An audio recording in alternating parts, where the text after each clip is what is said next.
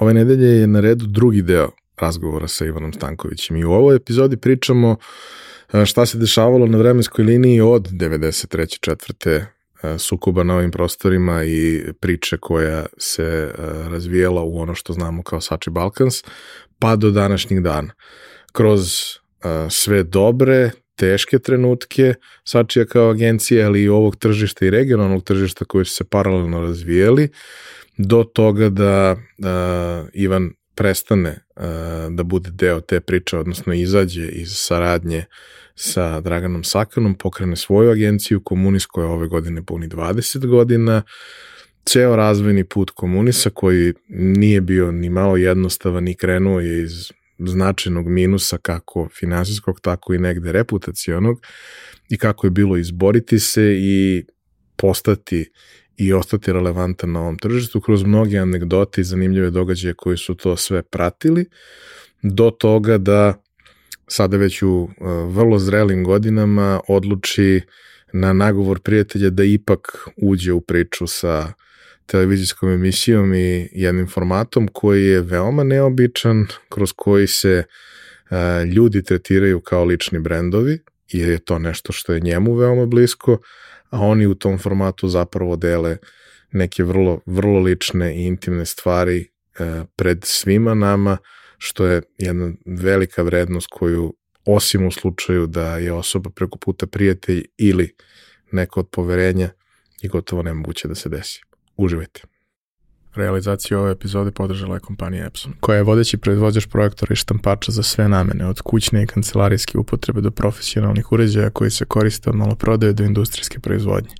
Već 20 godina u nizu proizvode najbolje projektore na svetu, a prvi štampač napravili su pre više od 50 godina. I dan danas svaki godin ulože preko pola milijarde dolara u istraživanje i razvoj novih proizvoda sa fokusom na održivo poslovanje i očuvanje životne sredine. Upravo zahvaljujući tome, njihovi inkjet uređaji najnovije generacije prave 94% manje zagađenja od konkurencije uz maksimalan kvalitet otiska. I vaš mobilni telefon koji sada nosite i na kome nas možda slušate i gledate, najverovatnije je napravio robot koji je stigao iz Epsonove fabrike. Roboti su super. Japanski roboti pogotovo.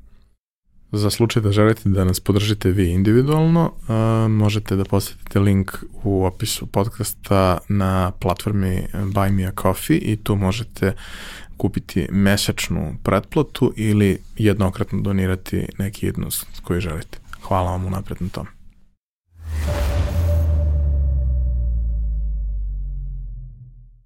I dobrodošli u drugi deo sa Ivanom Stankovićem i drugih 30 godina, 25 godina a, priče.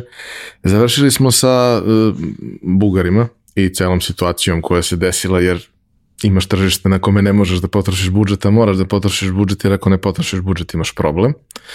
A, pričamo o periodu koji je period sankcija i gomile problema koji su, koji su postojali u ovom regionu, a vi pokušavate u tom trenutku da poslujete kao firma, kao regionalna firma koja je prisutna na tržištima i bivše Jugoslavije koje je u ratu, ali ne samo na tržištima bivše Jugoslavije. Kako uopšte funkcioniše sistem u situaciji gde je komunikacija otežana, prekinuta, a vi ipak morate zajedno da radite na nekim stvarima? Uh, mi nismo imali planove o regionalnoj nekoj ekspanziji. Znači, kad smo pravili Sači, to je bio Sači Jugoslavija i to je bilo ta priča.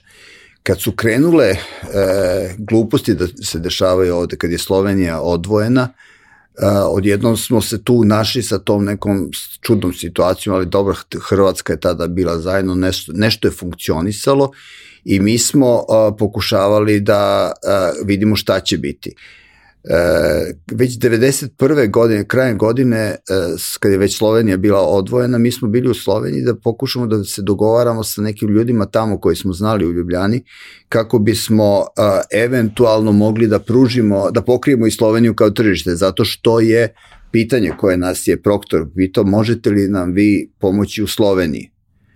Kao i uvek, imali smo jasan stav, odgovor je da, a da čujemo pitanje.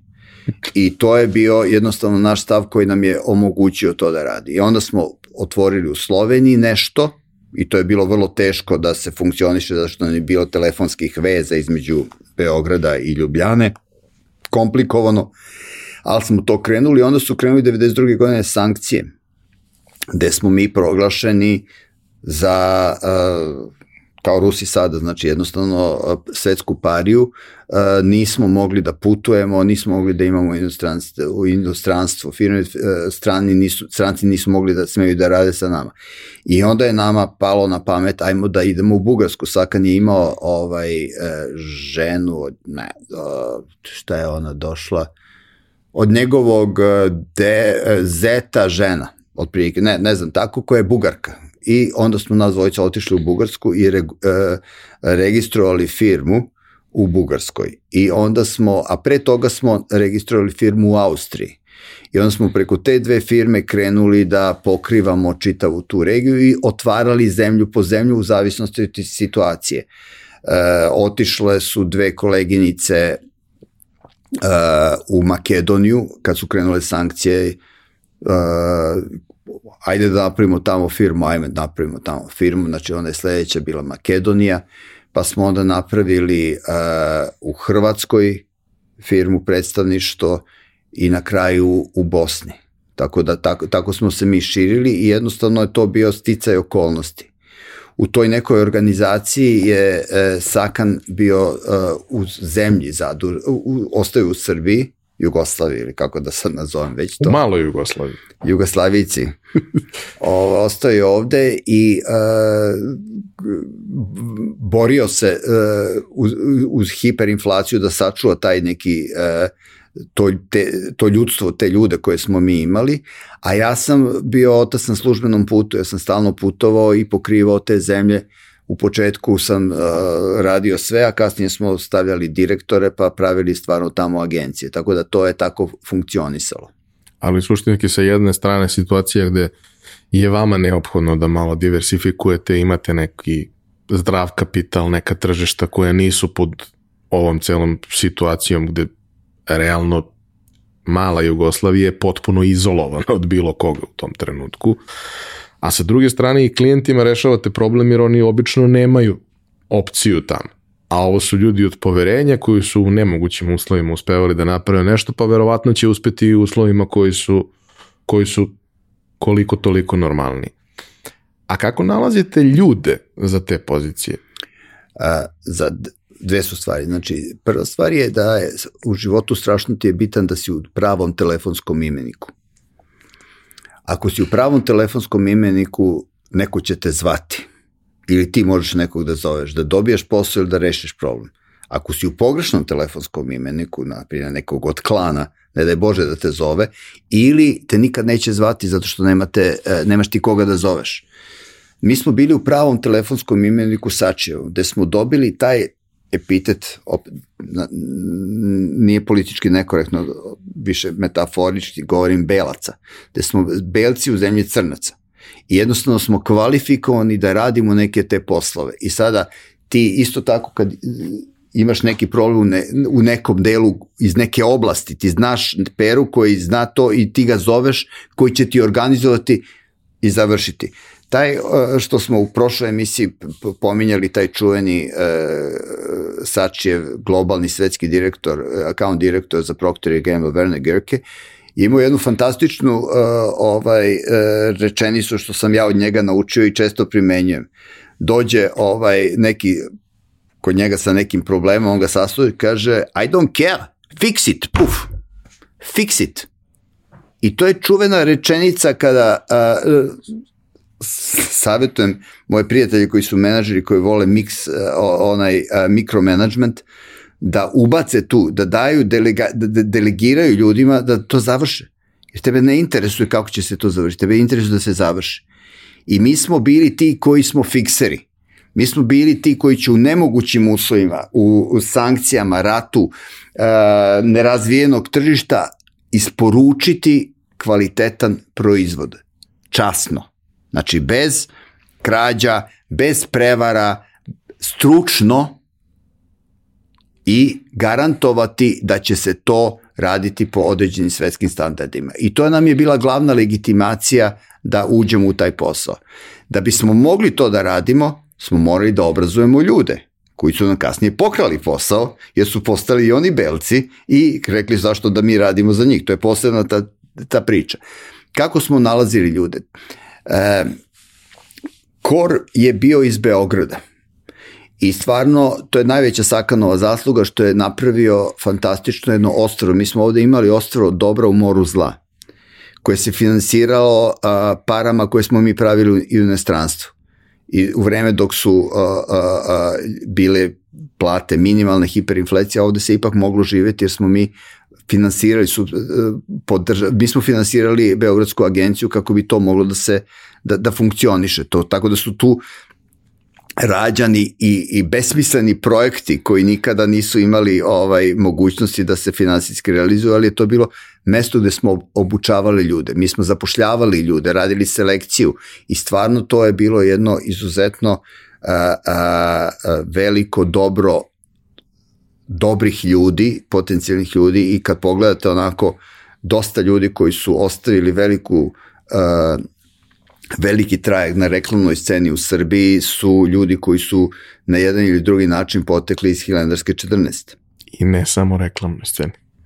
Da, generalno... U svemu što su kreativne industrije. Jeste, i tu, tu je definitivno taj Sači bio uh, uh, ikona. Sigurna kuća. Sigurna kuća, gde se mnogo toga ovaj radilo na dobrobit ljudi. Uh, kada sam pitao za ljude, mislio sam i na te gomilu tih čudnih ljudi, koji nisu baš klasični marketari, jer klasični marketari ne postoje u tom trenutku. Mislim, postoje ljudi koji su obrazovani, završili su možda ekonomiju, marketing, ali mislim, oni nemaju veze sa advertisingom u pravom smislu te reči. Mislio sam i na njih, ali mislio sam i na to da prosto da bi svaka od tih uh, firmi po regionu mogla da funkcioniše, tu mora da postoji i nekakav lokalni kadar koji donosi i specifično lokalno iskustvo sa tržišta, znanje, kontakte i sve ostalo, što vi niste mogli da imate, a s druge strane niste ni mogli da budete sve vreme prisutni na svim tim tržištima, jer još uvek nije bila dostupna replikacija i danas nije. Mnogo bi bilo lakše da možemo se dupliramo i tripliramo. Telepromptujemo. I to, ovaj, ali e, jednostavno je bilo potrebno naći te ljudi. Sad, da, postoji veliki brend, globalni za koji svi znaju i naravno da on privlači mnogo veliki broj ljudi, pa je u tom velikom broju ljudi moguće napraviti selekciju. Ali kako se pravila ta selekcija? Pa mi smo ovde imali e, s, e, dosta velike konkurse gde smo zapošljavali, radili testiranja ljudi, razno razne inteligencije i ličnosti tu je ogromnu ulogu imao i profesor Ivan Steinberger koji je psiholog, bio je dekan filozofskog fakulteta, bio je direktor Beogradske agencije i on je njegov tim, to, to smo stvarno radili, mi smo onda pravili a, edukaciju, mi smo imali te kurseve, znam da je to trajalo po nekoliko meseci, edukacija ljudi gde smo a, obrazovali te nove ljude osnovnim a, pravilima posla koje smo mi sami otkrivali. Tako da je to bio jedan konstantan period stvaranja toga gde su te, ti kadrovi su rađeni. Kako smo osvajali tržišta?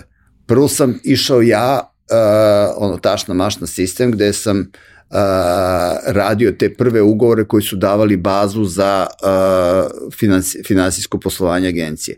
Nakon toga smo slali neku osobu iz Srbije, iz Beograda koje mi znamo ili smo odande nekog koga, prvo su, često smo uzimali neke lokalne ljude koje smo znali iz ranijeg života koji, smo, koji su mogli to da rade ili smo slali nekoga odavde koji je e, postajao selio se tamo i postajao direktor e, te agencije. Osoba od poverenja. Osoba koja ima zadatak i misiju da to radi, da to razvije. E sada, e, i to je funkcionisalo. Gde smo mi tu pogrešili? Evo, to je nešto što, što ja sad opet fenomen naknene pameti e, razmišljam. E, različiti su ljudi potrebni za različite faze razvoja preduzeća. Na osnivanju su, ovo što su, to, mi smo slali tamo icebreakere, to su ljudi koji su uh, razbijači, koji uh, nekonvencionalno razmišljaju, uh, rade u gerilskim uslovima, uspostavljaju teritoriju. Da. Probojni i mogu da naprave ni iz čega nešto. Kad se uspostavi teritorija, ti ljudi uh, vrlo često postaju uh, problem. smetnja, problem. Jer treba razvijači onda. Imamo razbijače, razvijače, održivače, branioce. To su različiti tipovi ljudi. Mi smo bili sentimentalni i nismo menjali osvajače za razbijače. Jer osnivač, može, o, o, raz, razbijač može da bude odavde. A razvijač mora biti lokalni.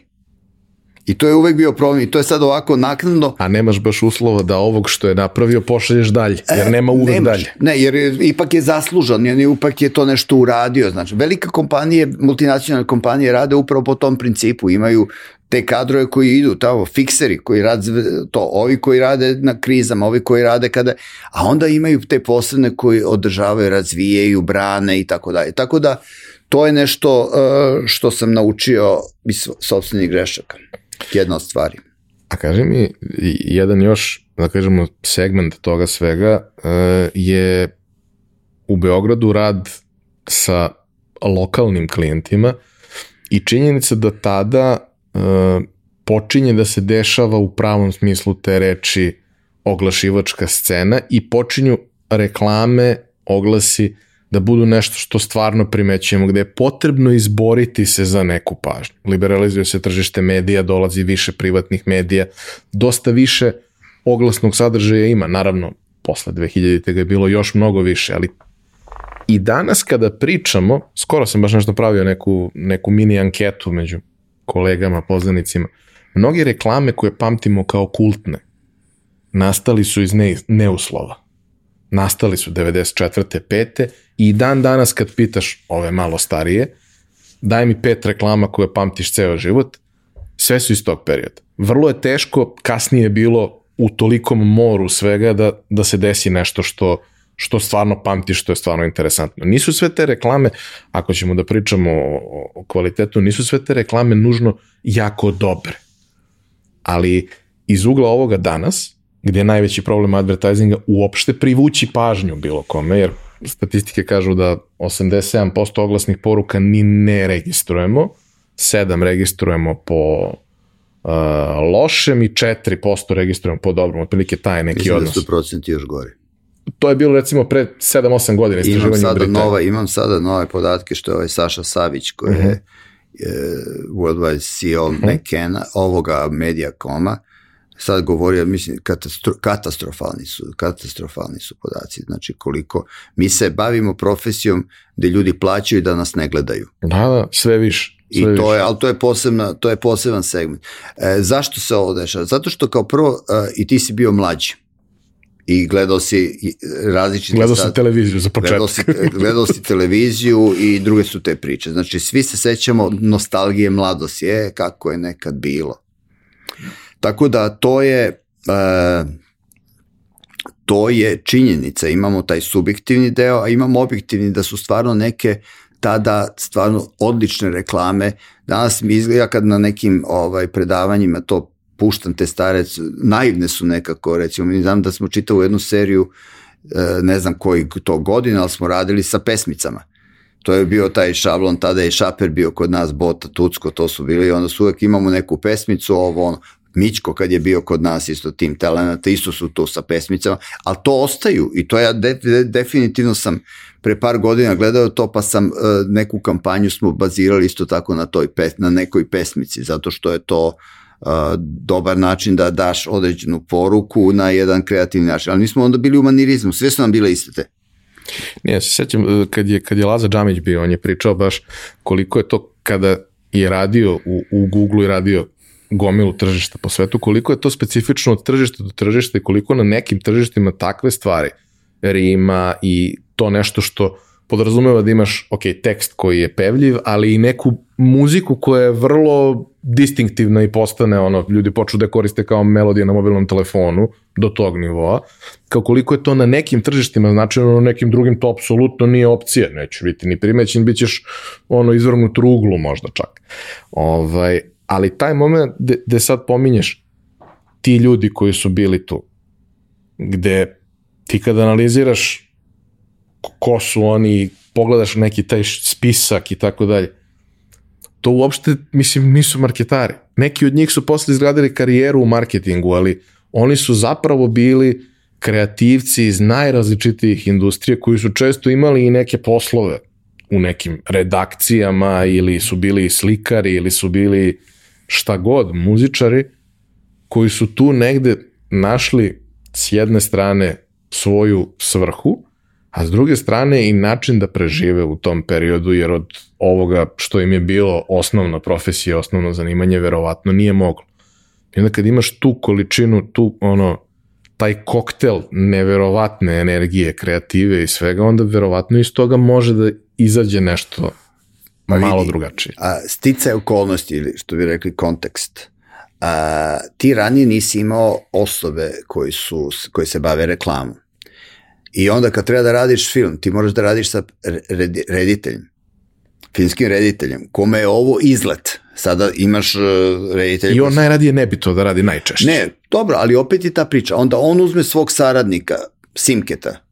Ti treba da radiš sa Goranom Markovićem, čuvenim rediteljem, i on kaže, ja super, ali muziku da mi radi Simke, može. E, ali da mi ilustraciju radi Petričić, može. I ti na taj način dobijaš sasvim drugi kvalitet ljudi koji su do, sad došli. To je taj kontekst. Znači sada ti već imaš sasvim deset, opet se ne mogu, ne mogu se neke stvari po, porediti, razumeš? Tada je stvaranje kampanje bio događaj. Sada je proces. Znači, I ima ih mnogo, a tad to znači, bilo... I, to je, I mi smo radili, ta, pazi, istraživanje radiš dva, tri meseca, pa onda strategiju mesec, pa produkcija pola meseca, znači šest meseci da krene kampanja. To nam je bio ta priča. I onda nemoj slučaju da ih požuriš nešto da ih požuruješ. Kakvi? Znači, promenile su se stvari, neuporedivo je. Sada je ovo deseta stvar i imaš opciju znači, da se prilagodiš tome ili play or die. Ili si gotov. Znači, ne možeš, ne, ne, ne mo, ali se neka dobro jelo. Jelo se. Ali sad se jede.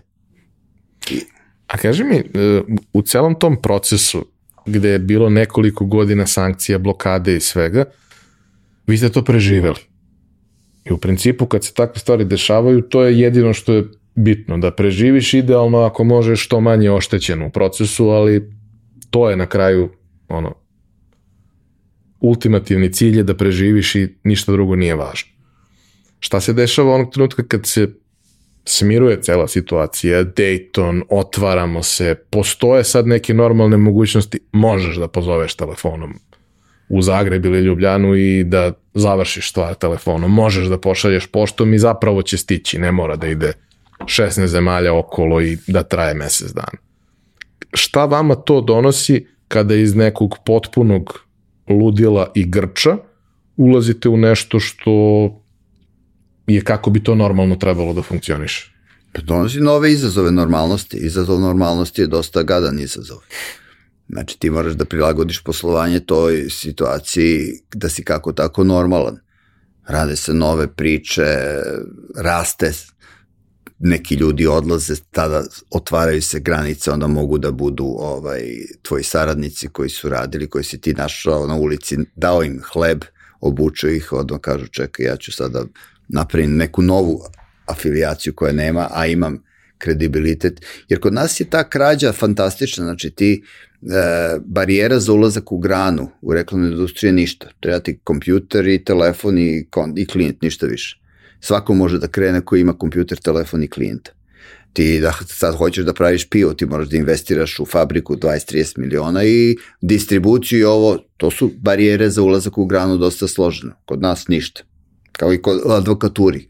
Uglavnom te usluge intelektualne su problematične i to je nama, većina reklamnog tržišta u bivšoj Jugoslaviji je nastala tako što su nama uzimali naši ljudi koji su počeli, koji su bili kod nas, su rekli, a zašto ja ne bi to radio, pa recimo ova e, globalni klijent radi sa ovim globalnim agencijama, ta globalna agencija nema, e, klijentu vidi ja ću ti to raditi, ovo daj mi ovo. I oni naprave svoje, svoju agenciju koja se veže za, za drugu, taj globalni network i ta, tako kreće.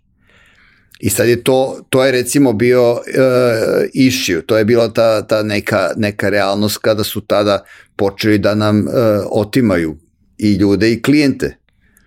I, ovaj, I to je nova borba, ali onda opet s druge strane ti sad možeš da radiš legalnije, znači ne moraš više da se kriješ ovaj, iza crnog plašta, ovaj, da, da, da, da nisi više tolika parija, počinje neke stvari. Svaka godina koja dolazi to nau, nauči, ovak, ja kao ovaj, starac foča od stotin ljeta da ti kažem, svaka nova godina koja dolazi je malo teža i zajebanije nego prethodna. I brže. I brže prolazi. Ne, to ima fenomen neki. Ja sam to ka, rekao 3 u 1, 1 u 3. Kad si mlad, dok ti prođe jedna godina, kao da trip, nikako da prođe. Sada, tri ti prođe, misliš da je prošlo šest meseci. I to je, ja kad se, kad nešto, po, pre koliko godina je bilo? Pre par godina, pazi, Đinjić je ubijen pre 20 godina. Na prvo bi rekao, na, pa ima desetak, ne znam da li ima i 10 godina. Znači, ubrzava se vreme, vreme, brzina vremena je upravo srazmerna, proporcionalna tvojim, tvojim godinama. Što je već, što imaš veći broj godina, brže prolazi vreme. Što više imaš godina, to je manji procenat u ukupnim godinama tako je prošlo. Ajmo sad neke veselije teme. Dobro, kaži ti meni, e, u celom tom e, procesu rada koji ste razvili, bilo je zanimljivih kampanja, bilo je zanimljivih klijenata, zanimljivih ljudi i svega što je prošlo. Šta pamtiš kao nešto što je bilo neke ključne tačke, neki ključni momenti koji su bili transformativni i za tebe i za odnos sa, sa Sakijem i za celu agenciju i za sve što ustoji. Da prosto uvek takve stvari postoje. Pa, znaš šta, meni se čini da je recimo to bila, evo ovako sada najključnija, a, ključniji taj period, to je bio 98. 99. godine. 98. godine smo postali agencija nove Evrope, dobili smo najveći broj nagrada u Portožu, sve te, sve, i posle proglašeni smo zvadniče i mi smo mislili da smo a, na vrhu sveta. Ali onda sad ovako gledajući imaš, a, a, ja onako smatram da je to recimo bio početak nekog našeg kraja. Zašto? Zato što a, mi smo do tada imali taj neki cilj, zajednički san, a to je bi, da budemo najveći, najkreativniji, najprofitabilniji. No, i glad san, san, kad nemaš san, uh, ti si u problemu. Znači, uh, snovi su ti koji te vode napred. Ja sam se pre koliko, 9 godina sada popeo na jedan vrhova Himalaja 6200 metara. Neki se nisu popeli i bili su besni.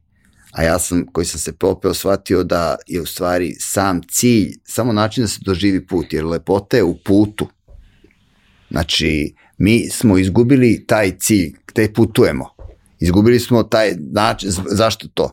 Drugo, 99. godine kad je bilo bombardovanje, to je isto dosta bilo gadno, jer uh, tada je Sakan odlučio da uh, ode iz Srbije, iz Beograda, kako se Jugoslavia, Srbija, Beograd, ne znam sam kako se zove, i preselio se u Sloveniju. Ja nisam hteo, ja sam ostao ovde i mi smo izgubili taj neki naš uh, svakodnevni kontakt koji je bio vrlo bitan za funkcionisanje. Mi smo bili vrlo različiti, ovaj, vrlo različiti i fantastično smo dobro uh, funkcionisali kad smo koristili pozitivne strane jedne druge ličnosti, a kad je, uh, to što je zahtevalo svakodnevni kontakt, usaglašavanje i izbegavanje uh, gomilanja nekih problema, onda kad smo se razdvojili nismo više imali taj svakodnevni kontakt, onda je tu uh, krenulo ta neka odvajanje koje je kulminiralo našim razvodom.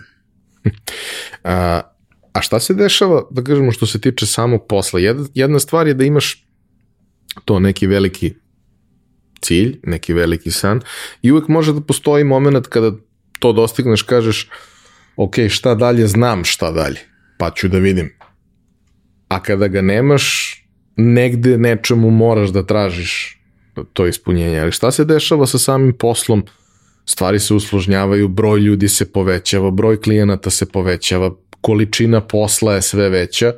Jedna stvar je kad ti praviš malu agenciju koja se sastoji od sjajnih ljudi koji su jako dobro plaćeni, koji na, na neki način su svi specijalisti u tome što rade najbolje što mogu uz neke spoljne saradnike, a druga stvar je kad to prerastu jedan veoma veliki sistem veoma brojan sistem. A koliko ste vi ljudi bili tada? 250. U sedam zemalja. Znači, to je baš veliki broj ljudi. Ja ne znam da li sad postoji agencijski Čeli smo imali sistem. Bugarska, Makedonija, Bosna, Srbija, Slovenija, Hrvatska, šest zemalja. Šest zemalja. Dobro. I Srbija. Onda se, jesam rekao Srbija? Mislim da si rekao Srbiju, nisi rekao Crnu Goru, ali tad je to bilo, Ne, tad je to bila jedna država. imali. A i mislim, to je Novi Beograd, otprilike ka, sa potencijalom. Uh, šta su prosto svi ti izazovi koji se pojavljaju sa tim rastom, tim brojem ljudi, tom količinom ljudi koje je tu neko duže vreme, pa se i motivacija i sve se menja kada staviš to u period od 10 godina. A, ako voliš da letiš ili voliš more da ploviš, volao bi da budeš e, mornar, odnosno pilot, ili tako?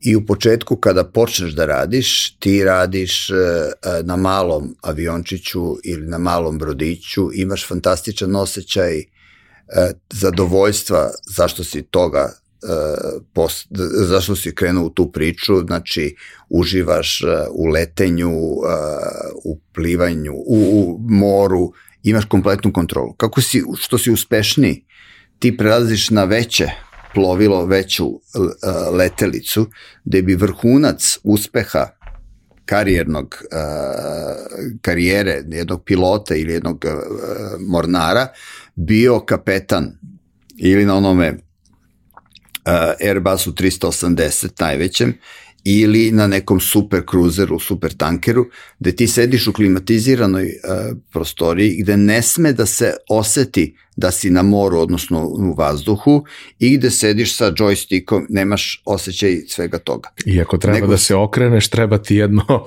I, i ne sme da se oseti da si se okrenuo. E, I ti sad to zadovoljstvo zbog čega si počeo da radiš, nemaš. To je ista ta priča. Mi smo počeli da radimo ovaj posao zato što volimo reklamu i uživamo. Ja i dan danas e, kada imam neku kampanju e, razbudim se, volim to, znaš, ono, to stvaraš kako ćeš ovo, šta da radiš i tako dalje.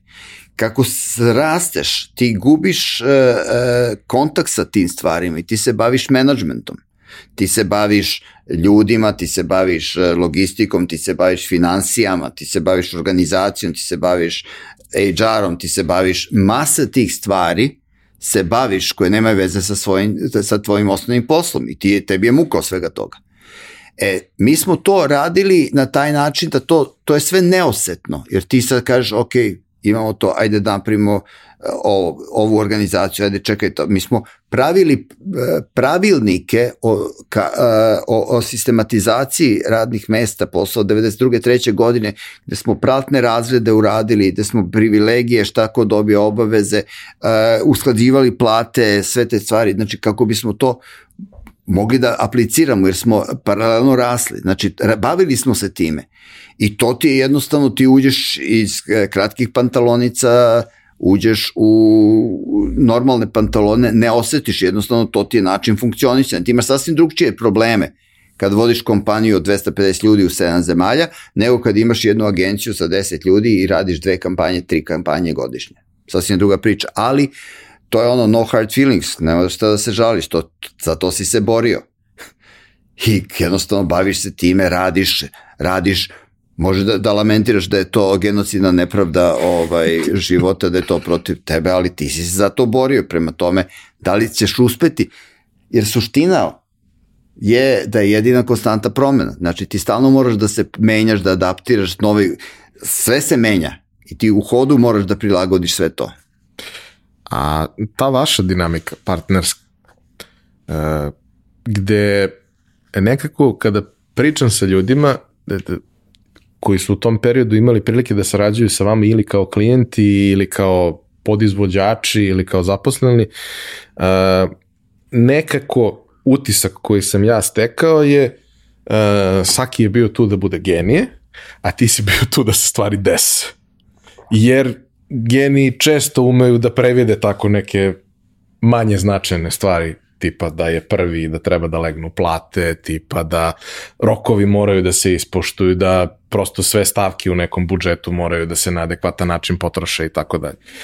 E, rekao si kako je to izgledalo onog trenutka kada je on otišao u, u, u Sloveniju, ali kako je, kako je generalno evoluirao vaš odnos kroz vreme od toga da ste u e, neželjenom partnerstvu za koje su vas ubedili da je dobro za sve, pa vam se očigledno i malo dopalo, do toga da 2002. godine odlučite da se rastanete?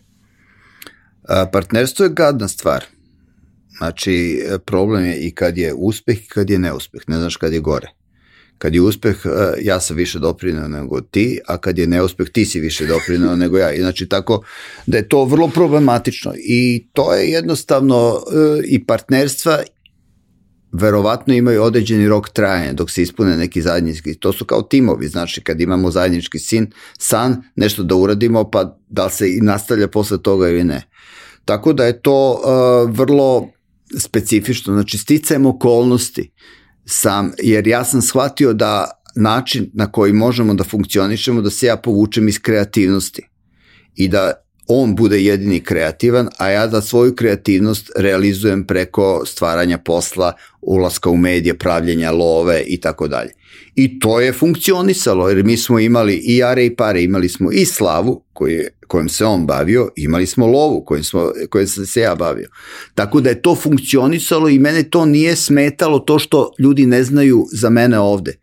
Ja sam imao veliki problem kad smo se nas dvojice raz, razveli, da ljudi ne znaju za mene Znači, ljudi e, e, ne znaju, e, znaju i struke, znaju ljudi i sače i tako dalje, međutim dođem kod nekog klijenta, aha, ti si radio kod Sakana. Jeste, radio sam. Znači, tako da, da to, to, to sam imao problem tim pre što je, ali opet s druge strane, to je određena doza komfora. Znaš, jer ti kad nisi na, na, na spotlightu, ti imaš uh, određene, uh, lako, lakše ti u nekim situacijama. Osim ako si suetan, znaš. Ako sueta, to je gadno. Ja sam srećom, sticajem okolnosti, operisan od toga. I nisam imao nikada, ovaj, kako se zove, tu sad ja ću da, kao neke te stvari. Ja sam se bavio, stvarao, ispuljavalo me to što sam pravio lovu, što sam putovao, što sam imao taj neki uticaj na, na, na, na posao držao klijente ključne i to je meni bilo okej. Okay. Onda dođem ovde i to je Sači, a Sači, Sači, Sači, ja to bogovi, onda odem tamo arbajt na bauštele i ovaj, ali tako je funkcionisalo. Da, ima nešto sigurno i u tom celom delu koji podrazumeva kontakt sa velikim klijentima, pregovore sa velikim klijentima, kontakt sa kolegama iz celog sveta. Uđeš u taj voz koji ti ili prije ili ne prije, meni je prijao. Ali rekao si kada ste počinjali tu priču Sačije, Sači Balkans, ovaj, da si ti ušao u to zato što si želeo da se baviš kreativom. Jeste, ali sam onda kupio kartu, đavoljovu kartu, da, ovaj, jer sam ja ušao u taj brak svesno, svesno žrtvujući uh, uh, tu, taj svoj aspekt kreativnosti, koji sam kasnije realizovao kad smo se razvojili. A kaži mi, uh, sam taj uh, proces, da kažem, razdvajanja, na, na koji način, uh, kako je teklo to ono što želiš da podeliš i kako ste doneli tu odluku? Ko je doneo odluku uopšte? Pa ja sam doneo odluku, ja sam u jednom trenutku rekao to je to i onda smo ovaj, se razveli. A je li to bilo, e, ne mogu sad da, da povežem na vremenskoj liniji, ali e, je li to bilo u trenutku dok je Sači još uvek postojao? Ne, mi smo izgubili Sači i kao posledica toga je bila jedna ta moja odluka ovaj, da godinu dana nakon toga da donesem odluku. Ja sam imao ponudu da ja preuzmem Sači od strane centrale, ja sam rekao ne želim, jer smo na dvojica krenuli zajedno i tako ćemo završiti i onda sam nakon godinu dana e, doneo odluku da ne možemo više da budemo zajedno. Taj, uh, dakle, trenutak kada, kada ste izgubili Sači je trenutak kada ceo sistem počinje da se zove New Moment. Ne. Šta je bilo? Ceo sistem počinje da se zove New Moment kad smo se razveli. Aha, jasno. Do tada mi smo imali problem što nismo imali naš brand. Jer ja sam predlagao da se zove agencija Sakan Stanković, što on nije hteo da prihvati zato što bi bilo Stanković tu u imenu, a ja nisam hteo da odustanem. I onda smo imali naše ime koje je bilo neutralno, SMS, nešto, SMS 80 ili tako nekako smo imali, S-Team ili tako nešto je to bilo, što je bilo totalno neutralno i totalno bez veze. I to je sad, to, jer ja, da smo imali naše ime, da se agencija zove Sakan Stanković, da bi Sači bio u drugom planu, to je pitanje brendiranja i tu smo pukli. I onda je u toj situaciji kad smo se razveli, nju moment je on već napravio bio, koji smo zajednički finansirali, koji je bio kao non-profit projekat umetnosti i tako dalje. i onda je on magazin i sve to. Da, onda je on odlučio da, da moment bude ime njegove agencije, a onda se imao problem kako da krstim svoju agenciju, jer nisam znao kako i došao sam do srećno nesrećnog imena komunist koja je u stvari komunikacija Ivan Stanković, da je pobedila moja sujeta da stavim IS svoje ovaj, inicijale u ime ono čega ćemo se, čime ćemo se baviti. I pričat ćemo još o, o, o tome, ali i tu si uradio jednu pametnu stvar, to je da kada ste ušli u globalnu mrežu, napravili globalno partnerstvo, si dodao to na, na već postojeći prilično dobro pozicioniran brand. Sada Naučio je komunist sam, DDB. Naučio sam neke stvari. Šta znači praviti 2002. godine uh, agenciju od nule? Nije baš od nule, ali... Nije od nule, bila je u minusu. Jer mi kad smo se, uh, raz, kad sam ja doneo tu odluku, pa smo onda seli da vidimo gde smo, šta smo, kako da podelimo ovaj, firmu, mi smo radili neki probni bilans gde smo bili u plusu par stotina ovaj, na prvom kvartalu, ja sam rekao, ok, to je onda dobra priča do kraja godine, pošto prvi kvartal je katastrofa, naj, najslabiji, bit će tu i ajde da se galantno delimo. Međutim, onda smo pravili te čitav niz grešaka, ovaj, zatvorili smo tu firmu preko koje je išla sva lova u Austriji, pa smo to decentralizovali, tamo su ostali računi, nije bilo prihoda, odjedno su počeli a, fakture da se pojavljuju kao buba švabe ispod uh, stola jer su i menadžeri nešto prikrivali, nešto nije, nešto je loše vođeno, krađe su bile i tako dalje, da su shvatili da je umesto tih uh, par stotina hiljada u plusu, uh, nekoliko miliona u minusu. I to je bio šok. Ogroman je šok koji je bio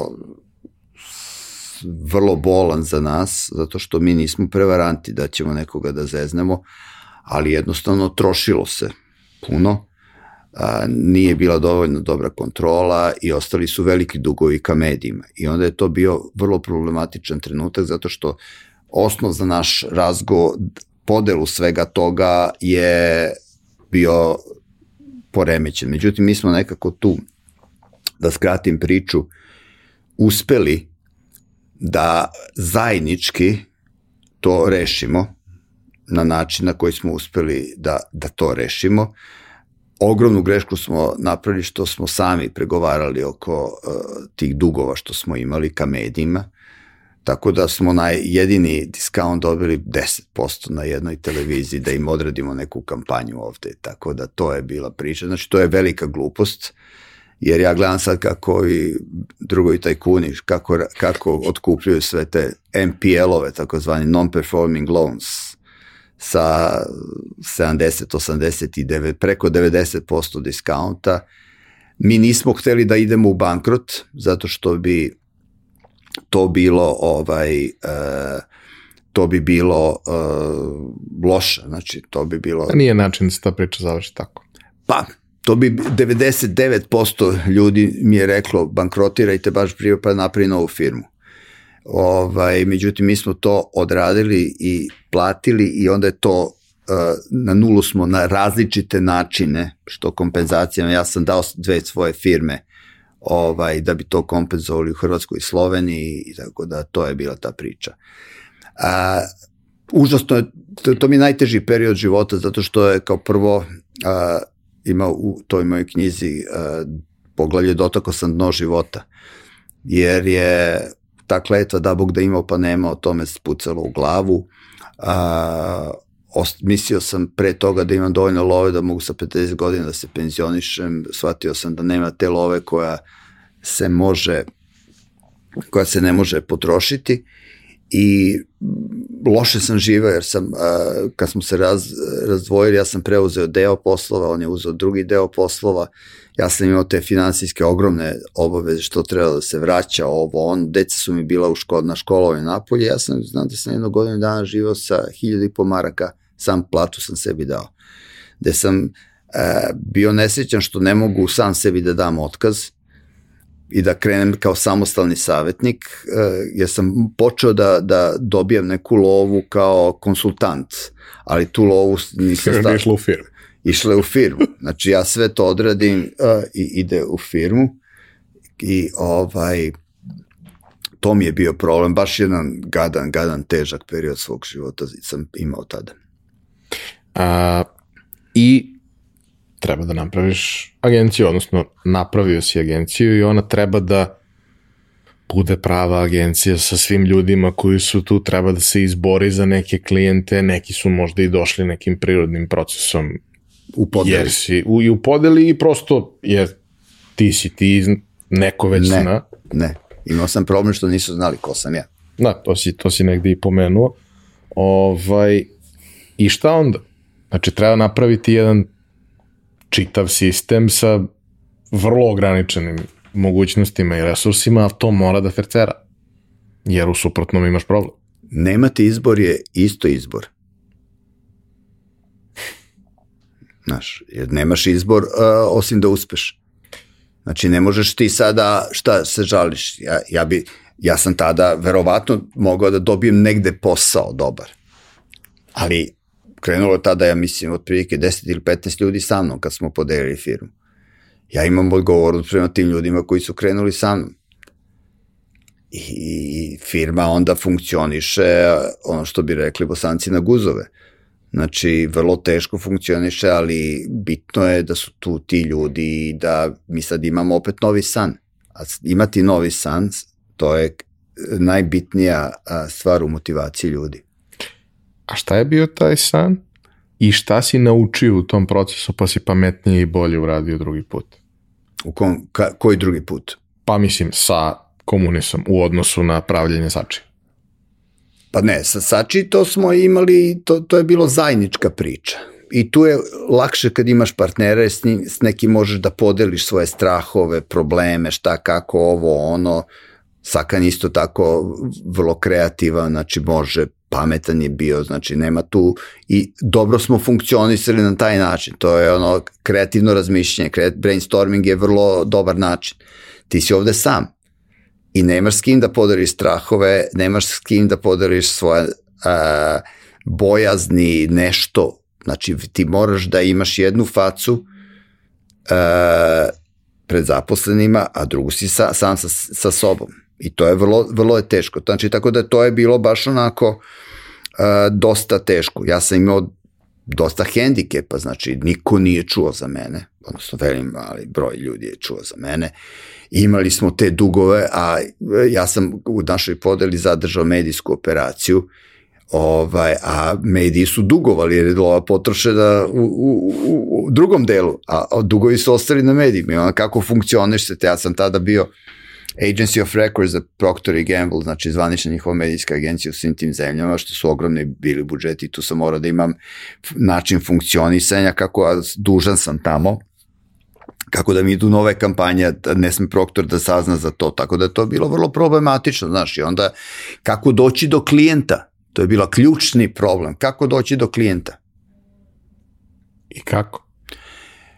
Pa velikim radom. Znači, to je ono, ja to nazivam a, i u biznisu i životu parangal strategija.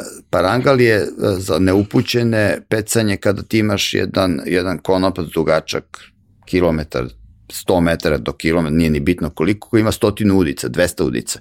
I ti pokušavaš sa tih 200 udice da upecaš neke ribe. Znači nisi fokusiran kao kad ideš sa jednom udicom na jednom mestu da upecaš tu jednu ribu. I to se često dešava u životu da ti nemaš luksus da ideš sa jednom ribicom, sa tim snajperskim delom, nego moraš sačmeru, znači moraš taj paranga, moraš da ideš široko kako bi upecao. Ja sam se trudio na veoma veliki broj načina da idem, ali je problem ono kako da dođem do nekoga kad sam nepoznat preko Mike Pere, znači ja sam izgubio svoj network jer sam pet godina pre toga radio samo inostranstvo putovo u inostranstvu, tamo sam sve znao u Hr Srbiji, u Hrvatskoj, Sloveniji, okolo, sve sam znao to, ali ovde nisam znao. Onda tamo sam imao medijski biznis u Hrvatskoj, Sloveniji, koji sam kasnije dao da bi kompenzovao dugove, što nije smelo da se zna zato što bi, e, da klijenti to ne bi, ja sam bio formalno i dalje, ali sam dao da bi pokrio te dugove, a ovde sam pokušavao da nešto podignem. Tako da je to bilo vrlo, vrlo teško, pa sam onda išao, pričao i tražio sastanke, ovo, ono, i to je, išlo, znači nisam imao te, te umeđu vremenu je došla nova klasa lo, ljudi koji su oglašivači, koji su napravili neku lovu, kojima ja ne mogu da, ne, ne znaju me. Ko, čekaj, ko, a Sakano? Ne, nisam. Ja, znači, da, da sve to, katastrofa, znaš, i onda je to opet simplifikovano, šta se tu desilo? Desilo se to jednom, a, pa, pošto ovaj, moja žena je poznata i sada a, došli iz Glorije, a, kao hoće da prave nešto ono kao poznati kuvaju. A pošto ja u našoj kući kuvam i volim kuvanje, ja rekao sad ću ja da spremim to, napravim to i kao ajde da se slikamo zajedno. I to mi je tada Ida radila, Ida Tedosijević radila kod nas. Uh, I ona kaže, nije, da li ona ili ne znam ko je to neko rada, kaže to je dobro za tebe da se pojaviš ti u toj gloriji. Da ja glorija bre čoveče, kako, ja, ja hoću mogu. Ne, tad sam ja počeo da, da, tad sam ja počeo kako da postanem poznat. I onda sam počeo da objavljujem članke u stručnim časopisima, ekonomist je tada bio, pa... Kao pre 20 Kao da, jer ka, kako da budem poznat, kako da čuju, znači da da pišem pametno, pa sam pisao neke te stručne članke, ali u ozbiljnim časopisima. I nikakve reakcije, osim što je Keva to sve e, sekla i čuvala te članke. I onda mi to neko kaže, vidi, ajde sada ti se slikaj sa njom. Debre da se ja slikam sa te, da idem u Gloriju, čoveče, si ti normalna. Ne, ne, to je Glorija je dobra. Pa kako bre, Glorija, pazi, ja sam, ne, nije to deo mog imidža, bre, ja sam, ja sam poslovni, ja sam biznismen, to možemo, za ekonomist, to možemo, privredni pregled je tada izlazio, znači možemo, to je ekonomska rublika, to negde u politici, ne, ne, ne, kaže ovo. I ništa, mi se slikamo na osnovnoj stranici, dva dana nakon toga me zove neki lik, pokušavao sam da dođem do njega, direktor jedne nacionalne, multinacionalne kompanije velike, e, kao da se vidimo mi sad vidimo, ja, kaže, pa nisam imao vremena ranije da se vidimo, ali ovaj, pa mogli bi mi da sarađujemo, vidim ti stvarno onako i dobru priču radiš, ja meni treba neko novo razmišlja i kao, ja kažem, pa dobro, super, dobra ti ideja, ovaj. I onda kao nešto pričam, ja kažem, pa dobro, otkud to? Kako si se sad setio čoveče, ja pokušavam da dođem do tebe, pa ništa. Pa ne, evo, evo iskreno ti budem, pre neki dan žena moja ja pijemo kafu i ona gleda ovu Gloriju, kaže, ju vidi što su ovi slatki, jer vidi kako su, baš su dobar par. A vidiš, on ti radi ove reklame, pa možda da ga zoveš. Ja kažem, ajde da probam. I to je fenomen uh, poslovnog uticaja Glorije na, na biznis. I onda sam tako krenuo, tu sam, sećam se, dobio tog jednog velikog klijenta, opet za nju biznis šta je bitno, to je, uh, uh, to sam opet fenomen naknene pameti. Uh, 2004. 2005. sam otvorio prvi jazz bar u Beogradu koji se zvao Sinatra na uglu braće Jugoviće i, i Zmajovine. Sa mojim dugogodišnjim, više decenijskim prijateljem Franom Lasićem koji je ranije imao to ugostiteljsko iskustvo. Ja to nikada nisam imao ali on je tada imao devojku u Beogradu i kao ajde da počeo da dolazi ovde da živi malo tu, počeli da se družimo i on kaže što mi ne bi napravili kafanu. Ja kažem kakva bre kafana, ne. Ne, ja Šta sam mi znamo radio, o tom? Ja sam imao, ovaj, ja sam imao u, u, u Zagrebu je imao restoran, pa je imao ne znam gde još ovo, kao super napravit ćemo dobru priču. Kaj, čekaj, ja mislim šta ja mogu tu. Ništa, meni je bitno da si ti tu zbog razmišljanja, zbog svega toga, ja ću sve da radim, te, zajednički ćemo da investiramo, ispolo tako da ovaj, sam ja dao 95% love, ovaj, a, on je u početku radio i onda se odljubio i krenuo u Zagrebi, ovaj, međutim, mi smo napravili, ja sam dobar u postavljanju koncepta, I tu smo zajednički napravili e, fantastično mesto, sasvim novo u Beogradu. Mi smo prvi uveli taj neki after work parties, gde se jazz svirao, ovo ono, i to je postalo in mesto. Ja sam shvatio onda, odjedno sam ja postao bitan. Mene zovu razni ljudi kao, kao znamo se, Ove, ja ne znam, ali, e, pa slušaj, znaš, trebalo bi mi dva mesta večeras i daj mi ostvori to. I odjednom sam shvatio da si ti u Srbiji uspešan ako ili si šef policije ili vlasnik futbolskog kluba ili prestižnog restorana. Odjednom svi hoće da budu prijatelji. I ja sam sticajem okolnosti u tom a, toj sinatri ovaj, e, obnovio prijateljstva, stvorio prijateljstvo, upoznao neke ljude koji su ovaj, mi postali prijatelji, klijenti. Tu sam recimo, jedna od ključnih stvari uh, u Sinati što se desila je bila ovaj, e, da sam dobio baš onog jednog velikog klijenta gde smo mi mogli da mnogo toga radimo, knjaz Miloš na ime Miša Beko, koji je moj prijatelj koliko, 30 i nešto godine, preko 30 godina je tada bio u procesu kupovine, odnosno tog nekog uh, posredovanja kod kupovine Knjaz Miloše. Mi smo se videli slučajno uh, u uh, jednom restoranu i rekao, ajde dođi da vidiš ovde kod mene. Došao ovo, počnemo da pričamo šta on radi to. Uh, I mi smo tako ušli u jedan veliki ta, taj biznis gde je baš bilo prijatno i lepo raditi. I imaš situaciju da čak i ako sam objekat komercijalno nije isplativ ili jeste, ali donosi posredno gomilu nekih benefita koji su mnogo značajniji. A, da, ali je suština treba da to bude dobro. Znači ja sam pao na menadžmentu uh, tog restorana, zato što u početku sam dok nismo počeli da radimo knjaz, išao ujutru u agenciju, posle toga od 7-8 sam do 1 uveče tamo i kad sam mislio da smo podigli sve to na noge, Ovo, rekao sad mogu da nađe menadžera i nalaskom menadžera otišlo sve u Honduras, bio je početak kraja. A ti opet u toj situaciji a, ne smeš da imaš loš proizvod, ne smeš da imaš loš restoran, jer to e, ruši tvoju reputaciju, znači da bi bio in, ti moraš da imaš vrlo dobar restoran koji funkcioniše po svim tim parametrima. Međutim, na kraju se to desilo da ja sam izbegavao tu ulicu da prođem ovaj, jednostavno mi bila muka kad vidim prazan restoran. A pukli smo na održavanje. Znači, koncept je bio dobar, ali ugostiteljstvo je ozbiljan, ozbiljan, ozbiljan zanat i to svi greše koji misle da je to lako. Misliš, dobro ste probili i razbili, ali niste održavali. Upravo to. Znači, trebalo je to da promenimo, ali jednostavno...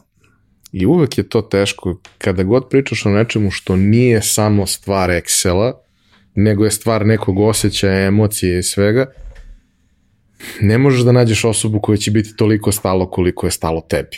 Možeš da nađeš osobu koja će da bude možda dovoljno stalo, pa je to neki kompromis, ali moraš i ti da budeš prisutan. Ti si duša toga. Jeste, i to je problem, jer onda, ja, onda dolaze moji prijatelji i tamo kažu, desi bre, nema te, ja bio bafu sam, nema tebe, ko te šiša? Znači, to je problem, to je problem, teško je ovaj, e, depersonalizovati personalizovanu uslugu, tako da ovaj, I nemoguće eskalirati. Dalje. Idemo dalje. Kaži mi, cela ta priča uh, sa komunisom, kada ste konačno savladali te prve prepreke koje su bile velike i teške, kada je to počelo da se kotrlja i da pravi neki rezultat i kada je tu kažemo, počela da raste i ekipa ljudi i proširili ste se malo i na dodatne neke usluge jer se tržište promenilo pa je počeo di, digital koji pre toga nije postojao. Svašta nešto novo se tu dešavalo, a vi ste u, u, u tom trenutku, koliko se ja toga sećam, jer sam tad počeo da budem aktivan na toj sceni, između ostalog se isticali tome što ste bili na neki način na, ono, na ivici žileta sa inovacijama, sa trendovima, sa svim tim stvarima, pokušavajući verovatno i na taj način da se diferencirate u odnosu na, na ostale. Tada već postoje masa velikih sistema ovde sa svojim predstavnicima, agencijama. Tada već tržište oglašavanja značajno raste. To je takođe i period već tamo od 2002. pa do 6. 7. To je period kada i oni brendovi globalni koji nisu bili prisutni ovde su došli ovde ili su bili u dolasku sve se mnogo usložnilo, vrlo često se i usitnilo u nekim segmentima. Nekad si ti imao jednog klijenta, tri klijenta koji su ogromni potrošači, pa to funkcioniše. Sada kad treba da imaš 30 klijenata koji su manji potrošači, to je mnogo veća potrošnja i ljudi, i menadžment, i gomila praznog hoda i svega. kako ste se vi snalazili u tome i šta su stvari koje ste u hodu radili da bi opstali i da bi rasli?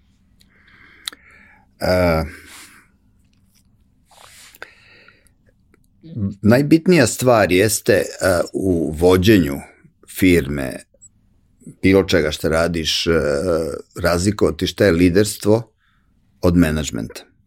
Menadžment je upravljanje operativno upravljanje resursima i ljudima, a liderstvo je inspiracija i vođenje na neki drugi način. E, ja smatram da je ta ideja zajednička neka, sasvim deo liderstva i ako imaš dobru ideju, e, ta ideja može da promeni svet. Ideja recimo narodno-oslobodilački pokret je fantastična ideja zato što u sebi ima sve. Ima narod, ima oslobođenje kao uh, vrlo bitan uzvišeni cilj ima pokret, znači svako može da... da ima call to action. call to action, znači ima sva, svako može da, da mu se priključi. E, ja kad sam napravio komunis, e, sam se suočio sa činjenicom da moram da, da, da formulišem ideologiju firme, e, verovanje, u šta se ta firma ver, koji su kriterijumi sve ti stvari. I to sam se dosta a, a, borio kako da napravim tu neku ideju koja će e, biti zajednička svima nama i koja će nam biti ma, a, e, misao vodilja u radu. E, prizod, znači, ja spadam u te ljude koji se bave ovim poslom zato što voli da je ponosan na svoj rad. Znači, volim da uradim nešto dobro i da to dobro a, bude primećeno, da ima efekta. Šta, kako se meri tako uspešnost? Znači, meri se recimo preko nagrada.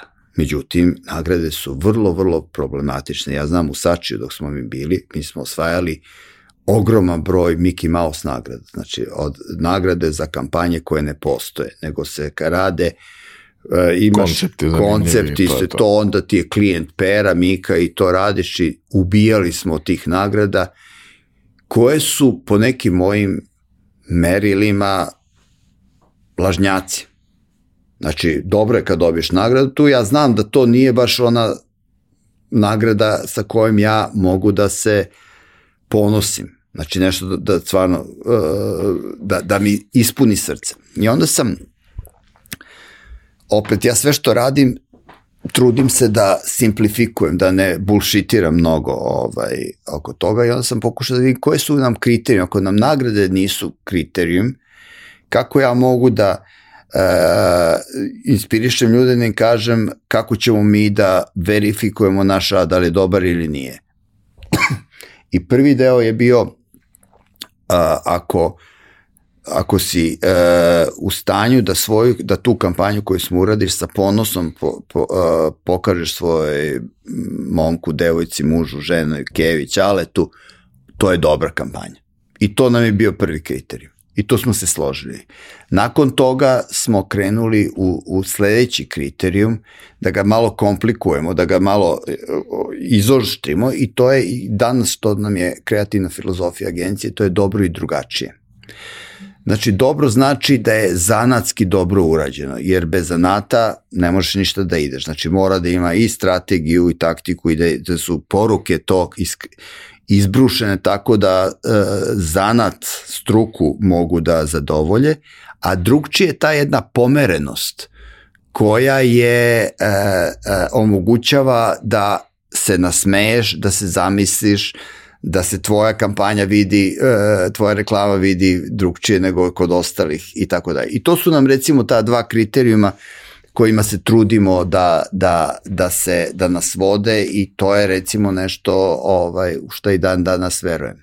DND, dobro i drugačije. A mora da postoji distinkcija u odnosu na nešto i uvek mora. kada pričaš zašto da uzmem tvoj proizvod, a ne neki drugi, po čemu je on različit na polici na kojoj su svi isti. Jer ja se ježim ovi generički kampanja koje sada masovno šibaju. Ono, samo umesto telekoma, telekom, neko, nekog telekom operatera stavi banku ili osiguranje ili uh, nešto za fitness ili tako dalje, isti kopi, ista ta priča, budi to ista što estetika, jesi, sve. ista estetika i to mi je, i mi smo odradili to ovaj, nekada na nekim pičevima, namerno izmešamo I, i znači stavimo ovaj kako se zove početak recimo od jednog e, srednji deo od drugog i logo od trećeg niko ne primeti Imao sam jednu situaciju skoro na, na jednom predavanju koje je bilo gde su me pitali da, da objasnim šta je razlika između dobrog i lošeg,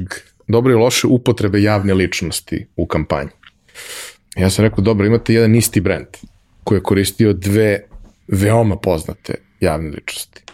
Jedna je Siniša Mihajlović, jedno 20 godina ranije, ili 15, druga je Zdravko Čolić.